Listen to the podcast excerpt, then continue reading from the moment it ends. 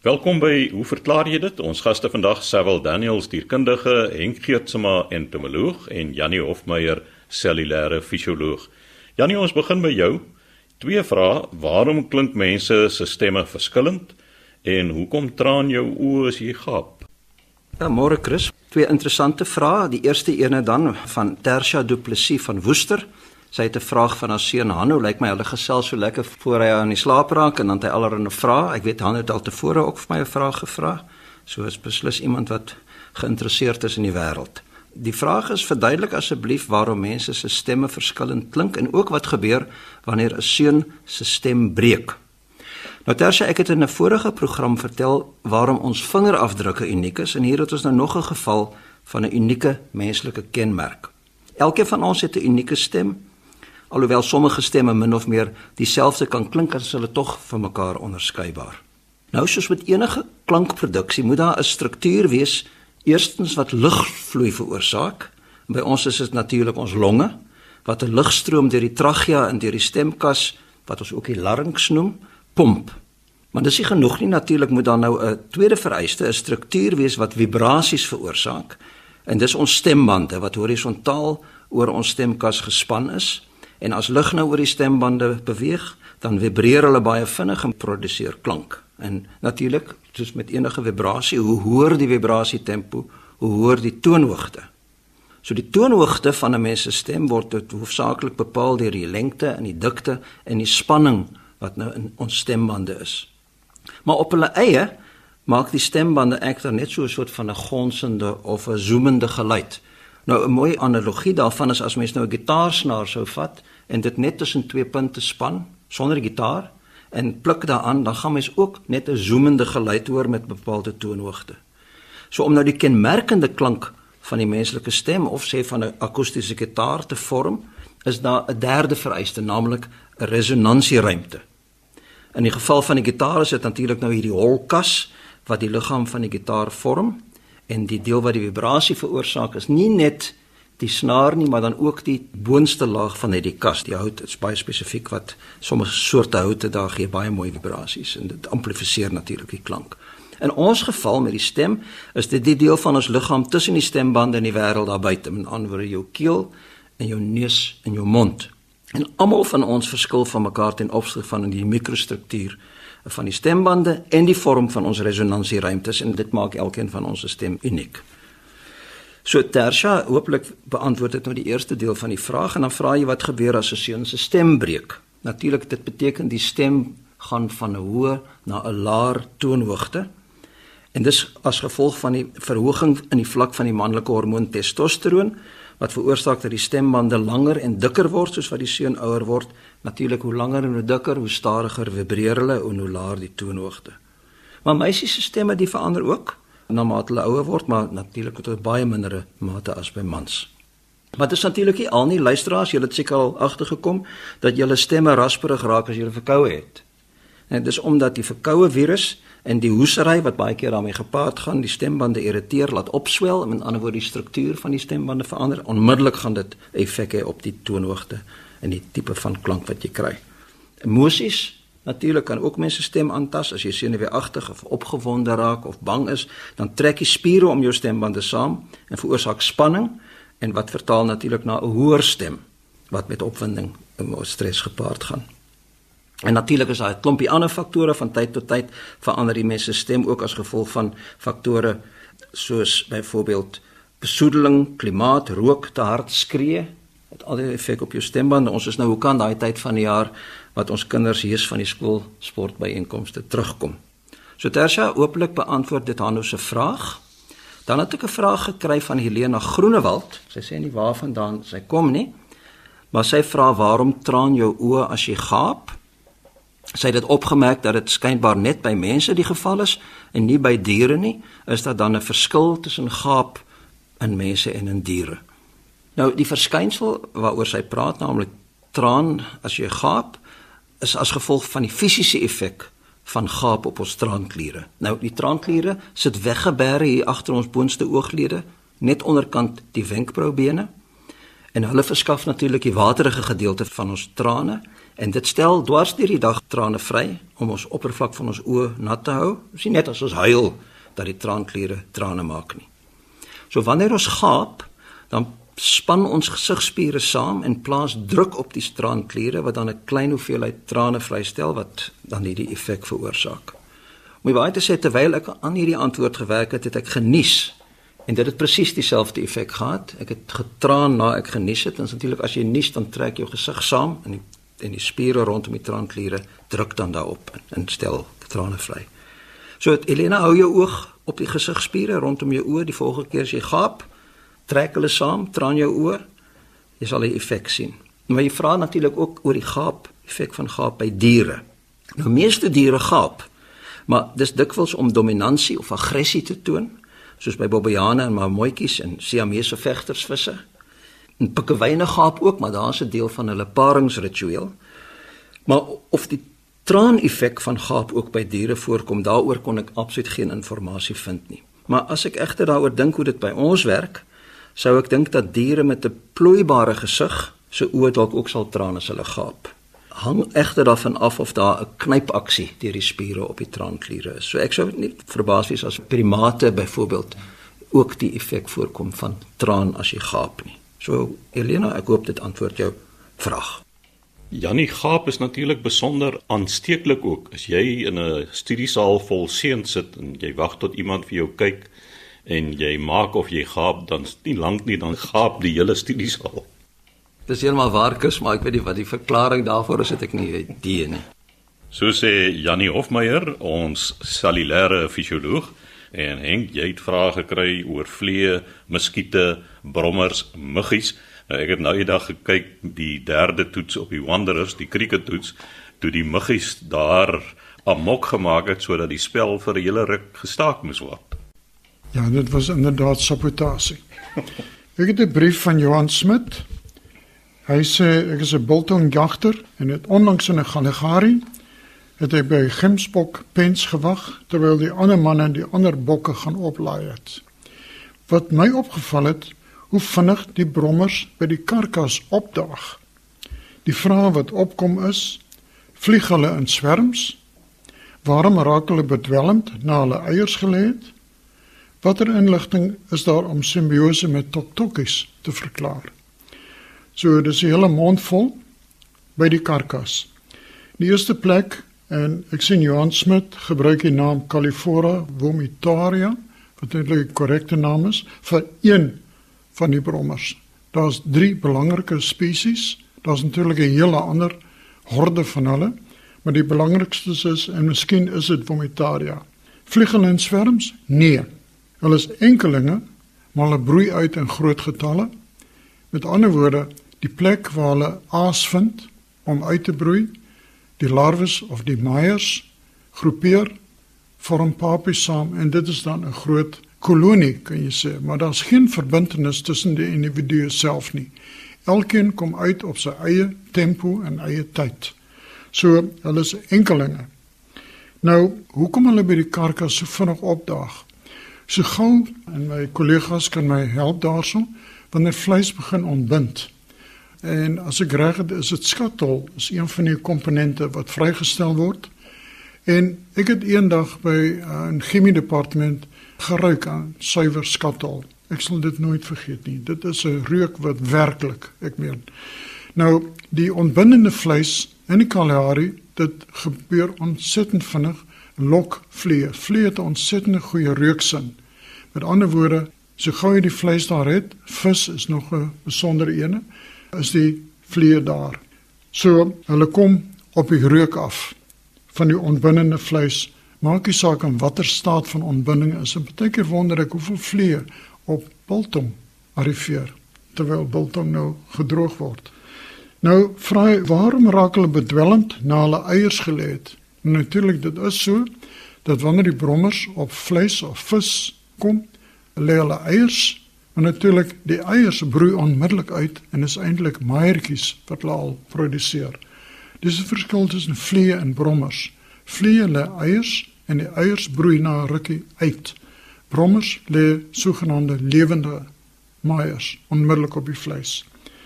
Nou vra hy, hoekom raak hulle bedwelmd?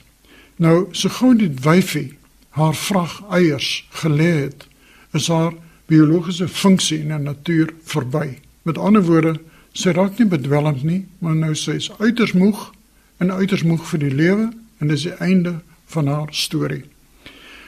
Daar is natuurlik baie insekte wat eiers lê en dan na hulle weer voeding gekry het, veral proteïene, kan hulle weer 'n slag eiers lê. Maar brommers lê net een keer in hulle lewe eiers, groot getalle en dan verdwyn hulle van die toneel. Nou sê, wat is die inligting daarom met simbiose met die toktokkies te verklaar? Nou weer eens gebruik Johan Smit die Latynse naam Samodus vir die toktokkies wat natuurlik ook 'n baie groot groep insekte is. Nou toktokkies sal nie op nat vleis leef nie, maar wel op droë vleis. Met ander woorde op dele van die karkas wat in die son lê en verdroog. Daar's nie eintlik 'n simbiose tussen hulle nie. Die enigste ooreenkoms is dat die voedingsbron het uitgeput geraak vir die brommers en natuurlik die brommers sal ook voed op die ontbinnende vleis terwyl die toktokkies gaan net vir die droë vleis. En dit is natuurlik die hele basis van wat ons noem forensiese entomologie. Wanneer 'n karkas ontbind, is daar golwe van ontbinding. Mens kry die waterfase, jy kry die gasfase, kry die droë fase. En elke golf het 'n heel ander soort kompleks van insekte wat op die besondere karkas voed. En dis hoekom wanneer 'n mens polisieverslae lees, kan 'n mens vasstel dat hierdie persoon is 3 weke gelede vermoor en so aan en so aan. Dit is 'n hele interessante wetenskap. En kiewers speel ook 'n baie belangrike rol in hierdie sogenaamde forensiese entomologie. Dan het ek 'n vraagie van Ian Wessels en in 'n vorige program is gepraat oor swanger vroue en swanger diere. Nou vra Ian Wessels of muskiete instink het oor waar hulle menslike slagoffers die mees weerbaarste is. Of dui die feit dat hulle jou so graag agter die blad byt waar jy nie kan bykom nie, bloot op ingebore sadisme. Natuurlik sadisme is 'n baie interessante storie. Maar die ding is, muskiete het nie instink nie. Muskiete weet waar die vleispotte is of in hierdie geval die bloedpotte. As 'n mens beweeg, is jy baie gou bewus daarvan dat muskiete in die omtrek is. Hulle beweeg rond jou gesig omdat dit die bron is van koolsuurgas wat natuurlik 'n aanlokkingsmiddel is vir muskiete. Of hulle sit op jou hande wat jy gereeld bekyk, so jy jag hulle weg. Maar jy het nie oë op jou rug om te kyk nie. En jy sal nie weet as 'n muskiet jou rug gebyt het nie omdat die muskiet se monddele is fyn, fyn naaltjies. En wanneer hulle jou vel indring, kom jy dit nie agter nie. Is net wanneer hulle begin voed vir hulle dan 'n sogenaamde antistollingstof afskei wat die wond begin jeuk en dan kom jy agter jy's gebyt deur 'n muskiet. So solank jy muskiet nie die antistollingstof afskei nie, sal jy nie 'n muskiet se byt voel nie. Henk, soos wat ek hier om die tafel kyk, is daar drie van ons wat groot areas kopvel het wat bloot is. Nou ek weet dat hierdie landingsstrook wat ons bo het, is die perfekte plek vir muskiete om jou wakker te maak aan die nag, nee. Ja, maar nou is dit ook so dat jou kopvel se bloedvoorsiening is eintlik baie baie uh, beperk. Ja. En dan sal liewerste op jou wange of jy, veral op jou vingers. Dis baie interessant hoe muskiete as jy in die slaap is, hoe baie op jou vingers konsentreer en op jou pols. Want dis waar die vel die dunste is en waar die bloedvloei die hoogste is. Dankie Jannie. Maar ek sal eerder die muskiet op my kop doodslaan as op my wang. Ja, nee. Dan het ek 'n storie hier van John Hy's van Plettenberg Bay en hy sê is 'n brommer 'n by sonder 'n angel of is 'n by 'n brommer met 'n angel? Wie was eerste, die brommer of die by? Wanneer het die by sy angel gekry? Nou dit klink amper soos 'n rympie. Nou die Hymenoptera of die groep waarna die bye behoort, se fossiele geskiedenis strek so 220 miljoen jaar gelede terug. Met ander woorde, in die Mesozoïese tyd tussen die Trias en die Juras. Nou die vliee self wat behoort tot die Diptera is so 20 miljoen jaar ouer, so 240 miljoen jaar gelede is die eerste vliegfossiele als gevind. Dit beteken natuurlik dat vliee en bye of Hymenoptera 'n baie lang fossiele geskiedenis het. Dis nie die fossiele wat ons het wat ons kan redelik akkuraat dateer. Nou sê 'n by sonder 'n angel of 'n by 'n brommer met 'n angel. Nou ons praat van twee heel verskillende groepe. Die brommers behoort tot die diptera. En soos die latynse naam sê, die wat beteken twee, tera vlerke. So hulle net een paar vlerke. Terwyl die hymenoptera, hymen is 'n vlies, tera vliesvlerkiges het twee paar vlerke, voorvlerke en agtervlerke. So daar sal 'n redelike groot verskil. Nou die voorvaders van vliee moes wel twee paar vlerke gehad het. So op die evolusionêre leer is vliee redelik gevorderd want vliee en vlooie is natuurlik baie naby aan mekaar verwant. Nou die by se angel. Die koningin by het 'n angel, maar sy kan nie, sy sal nie steek nie want haar angel is gewysig tot 'n eierboor. Was gevolg van die hormonale instruksies wat die koningin by gee aan die werkerbye wat ook potensiële koninginne is wat ook angels het wat eintlik eierbore is word die hormone so geplaas dat die angels funksioneer nie meer as eierlêbore nie maar as verdedigingsinstrumente terwyl vliee het 'n ovipositor wat rekbaar is byvoorbeeld 'n huisvlieg se eierboor kan tot 7 keer die lengte van die vlieg strek. Met ander woorde, as sy op 'n onwelriekende bron is, kan sy ver van die bron wees en haar eiers deponeer in die onwelriekende bron. Maar die ding is dis 'n groot verskil. 'n Angel is 'n redelike soliede struktuur terwyl die ovipositor van 'n vlieg, ek praat ook van vrugtevliee byvoorbeeld, is 'n redelike plooibare instrument. So Wanneer het die buise angel gekry? Hulle het angels wanneer hulle al uitbroei uit die betrokke sel van die heuningraad, die korf. Dan vra Dr Albert Alberts, soms is daar 'n muggie-plaag by ons. Wat is die doel van 'n muggie in die evolusionêre stelsel? Nou ek het al van tevore vrae gekry van mevrou Verwoerd wat gevra het wat is die rol van muskiete in die natuur? Die rol van muskiete in die natuur soos enige ander dier is om te oorleef. Dit is nie vir die mense plesier of vir die mense oordeel om te besluit wanneer 'n dier ongewens is of 'n plant ongewens is nie. Almal verdien 'n plekkie op die aarde en almal leef in harmonie. En ek is baie jammer om te sê dat die enigste dier wat nie die reëls van die natuur volg nie, is die gevaarlikste spesies op aarde en dis die mens. En as jy mense 'n bietjie terugdink aan globale verwarming, aan wêreldbesoedeling en so aan, is dit die mens wat eintlik se getalle 'n bietjie te hoog is. En ek hoop dat die politici gee 'n bietjie meer aandag aan hierdie probleem en minder van globale verwarming. Want globale verwarming is gewoonlik op aanvraag na meer energie, meer industrie, meer besoedeling. So muggies in my oë het volledig 'n rol in die natuur en ek gun hulle dit. So sê Henk Geertsma en Tomeloog, laaste aan die beurt Sewel Daniels, dierkundige. Sewel, 'n luisteraar is bekommerd oor die impak van inteling. Chris, ja, ons het 'n brief ontvang van Colin Rodell. Hy sê ongelukkig nie van waar hy die skrywer rig nie. Die brief is ook in Engels, maar om op te som lei dit soos volg: Hy was onlangs in die Kruger Nasionale Wildtuin en het daar in die gesels geraak met iemand oor swart renosters en wit renosters en hulle het vir hom laat weet dat daar ook gedurende die 60er en 70er jare renosters ingevoer was of getranslokeer was liewer van Zululand tot in die Kruger en dan die vraag. Hy wil weet wat is die impak van inteling word mense blootgestel aan dieselfde reëls as ander diere met betrekking tot inteling en dan wil hy ten laaste weet watter afwykings sien 'n mens as gevolg van inteling. Ek dink dit is belangrik om daarop te let dat mense uit die aard van die saak, dis Henk nou voorheen klem gelê het op mense is diere.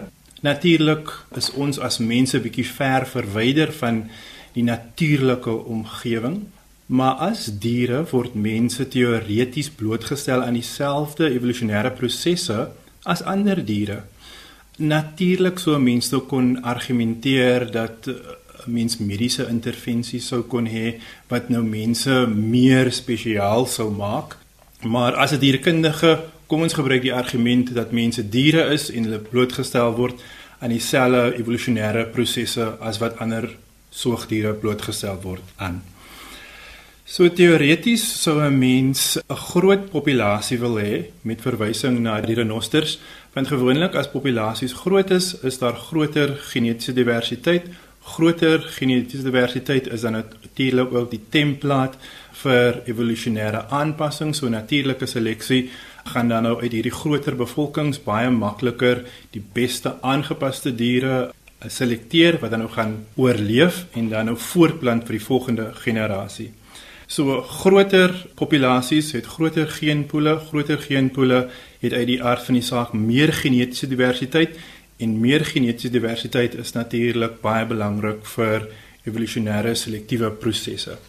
So inteling is uit die aard van die saak baie sleg. Dit lei tot verlaagde vrugbaarheid Onder andere, dit lei tot 'n toename in genetiese afwykings, laer geboortekoerse, hoër mortaliteit of hoër doodsyfers en in die algemeen ook verlaagde immuniteit.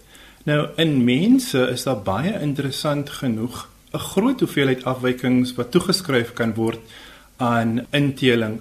Maar van die interessantste voorbeelde wat 'n mens in literatuur kan kry, vind 'n mens by koninklike families. Ons weet byvoorbeeld by die Egiptenare het hulle baie um, met mekaar ingeteel omdat hulle dan nou die gode se verteenwoordigers was in hierdie ryk. So byvoorbeeld Tutankhamun is een van die konings van die Egiptenare wat wel bekend is, is die nageslag van 'n broer en suster wat getrou het en hy het weer met sy halfsuster getrou.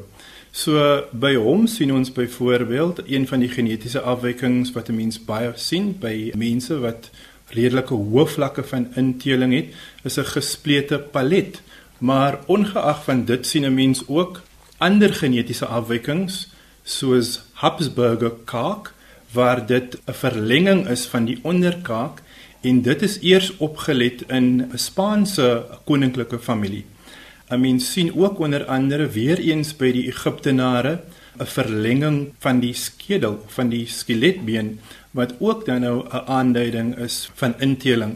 Daar's ook baie bekende voorbeelde van hemofilie wat beide by die Britse as wel as by die Russiese koninklikes voorkom.